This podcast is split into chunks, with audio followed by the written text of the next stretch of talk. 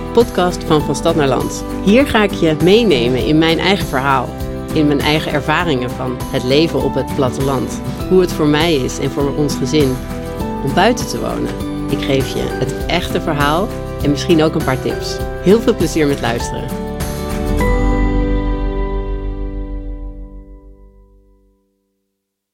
Hallo, welkom bij een nieuwe aflevering van Van Stad naar Land, de podcast. Ik neem je even mee, ik ben buiten. Je hoort de ganzen op de achtergrond, denk ik.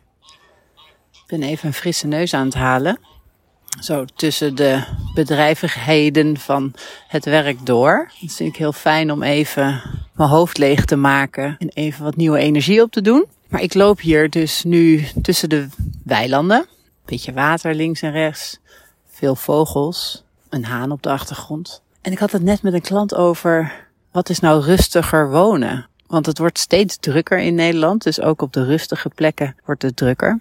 Maar als je nu in de stad woont, dan is het al snel rustiger wonen. Toen wij nog in Amsterdam woonden, was het overal druk. En als we dan een stad uit waren, dan genoot ik enorm van de stilte, het uitzicht. En dat doe ik eigenlijk nog steeds. Maar rustiger wonen, dat betekent natuurlijk niet dat je in de middle of nowhere hoeft te gaan wonen. Rustiger wonen betekent eigenlijk voor iedereen iets anders. Wil je rustiger wonen? Dat kan met een hutje op de hei. Heel rustig. Maar je kan ook kiezen voor rustiger wonen in de stad. Op een andere plek of in een ander huis met meer ruimte, waardoor je zelf rustiger wordt. Wat betekent rustiger wonen voor jou? Veel van mijn klanten zoeken dat. Rust, ruimte. Maar het is heel mooi om te zien dat die definities voor iedereen anders zijn. Rust vind je natuurlijk in jezelf. Althans, dat kan je vinden in jezelf. En dat is het mooiste wat er is, als je dat in jezelf kunt vinden. Maar toen mijn leven helemaal op zijn kop stond en er absoluut geen rust was om mij heen, door een verhuizing, een huwelijk, een verbouwing, een tweede kind, een drukke baan, kinderen op de crash, rennen, vliegen, haasten, was er ook in mijzelf echt helemaal geen rust te vinden. Zelfs zo erg dat ik uiteindelijk overspannen was. Het was wel een mooi verhaal. Wij hadden ons huis hier al gekocht, maar woonden nog in Amsterdam. En we hebben ons huis gekozen op de plek. Dus het huis zelf was nog niet helemaal zoals wij het wilden hebben. Eigenlijk was het iets te klein. Gelukkig konden we ons huis in Amsterdam goed verkopen en hadden we een mooie overwaarde waarmee we konden gaan verbouwen. En dat deden we dus op afstand. Dat is niet aan te raden.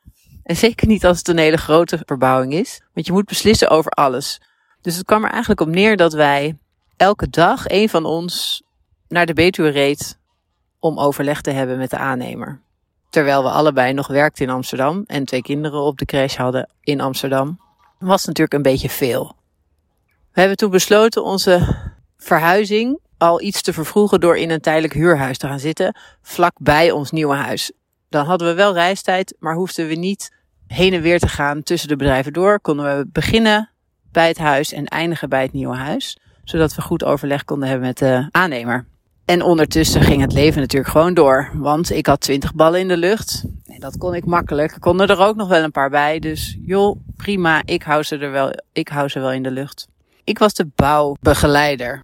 En ik weet nog heel goed, ondertussen steeg het water mij aan de lippen, want ik had het vreselijk druk en ik voelde dat wel, maar ik had geen tijd om daarnaar te kijken. Dus ik ben gewoon mijn dagelijkse dingen aan het doen en ik stond bij de notaris, hè, want als makelaar ben je vaak bij de notaris. En daar had ik twee afspraken achter elkaar, met een beetje tijd ertussen. Na de eerste afspraak werd ik gebeld door de aannemer en die vroeg mij of ik het dakraam van onze logeerkamer links of rechts uit het midden van de kamer wilde hebben. En toen was het bij mij even stil.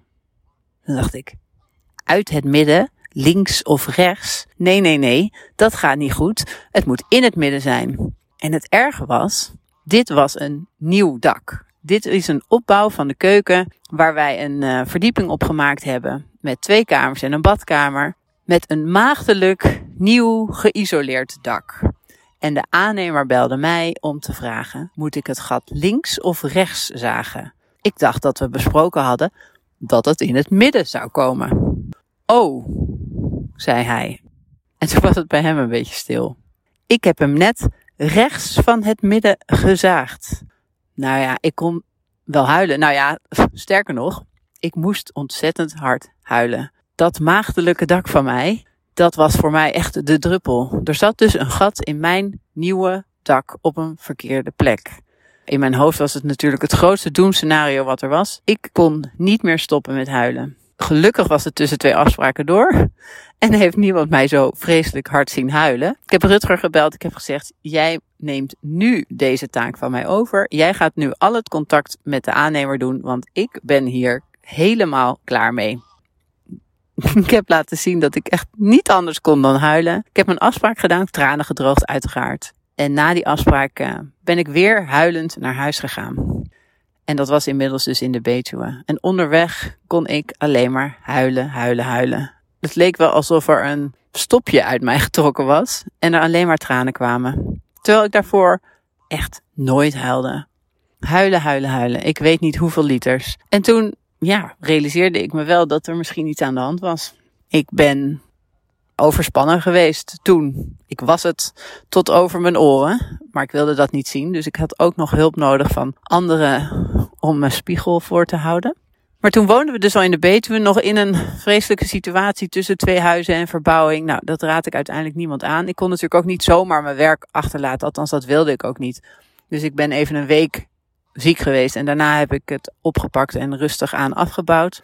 En besloten, oké, die afstand naar Amsterdam is voor mij niet handig. Ik ga daarmee stoppen. Het was ook een te drukke baan. Ik ga iets anders doen. Ik ga het dichter bij ons nieuwe huis zoeken. En als makelaar heb je natuurlijk als voordeel dat je eigenlijk overal wel aan de slag kunt. En in die periode daartussen ben ik tot stilstand gekomen. Echt letterlijk. Ik wist niet wat ik moest doen. Ik kon ook niks. Ik wilde ook niks. En ik had geen idee wie ik was of wat ik wilde doen. En we woonden dus rustiger, ruimer. En door die rust en ruimte om mij heen werd ik uitgenodigd om naar buiten te gaan. Wandelen, hardlopen, nadenken. En dat deed ik. En in die maanden zijn er geloof ik drie geweest, drie maanden. Zijn we uiteindelijk naar ons eigen huis verhuisd, wat natuurlijk heerlijk was, in plaats van in het rommelige huurhuis waar we zaten. Na die drie maanden, of in die drie maanden eigenlijk, ben ik mezelf weer een beetje terug gaan vinden.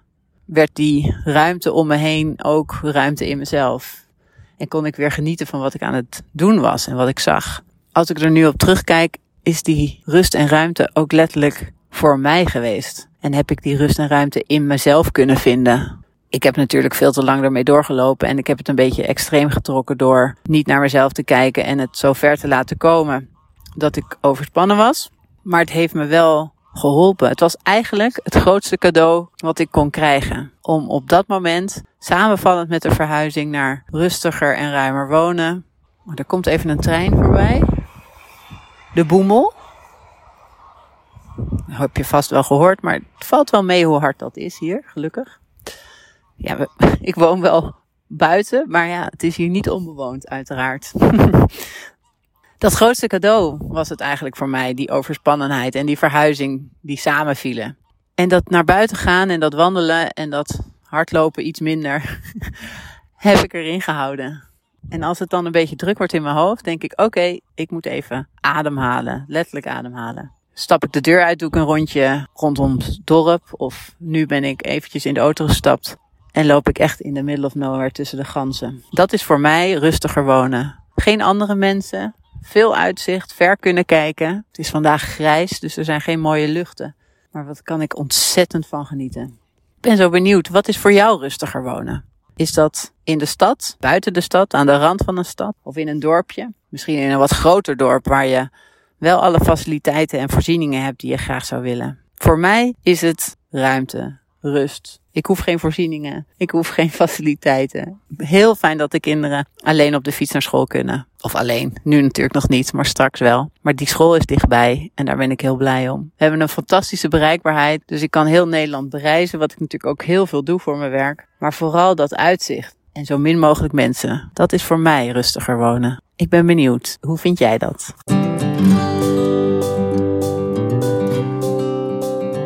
Ben jij nou ook op zoek naar die juiste plek voor jou? Ik help je heel graag bij het vinden. Ik kan een omgevingsanalyse of een persoonlijk plan voor je maken. Op mijn website vind je daar alle informatie over. Je kunt een afspraak inplannen op vanstadnaarland.nl. En je mag me ook altijd een berichtje sturen via Instagram. Van Stad naar Land. Want jouw juiste plek is dichterbij dan je denkt.